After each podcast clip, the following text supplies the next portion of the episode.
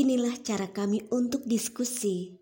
Jadi di sini aku mau berbagi bahwa pasangan kita itu bukan hanyalah pasangan, tapi sahabat, teman, dan saudara kita. Gak usah jaim sama pasangan, gak usah kaku juga lah.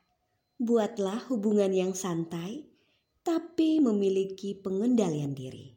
Artinya, tetap punya batas, yaitu saling menghargai.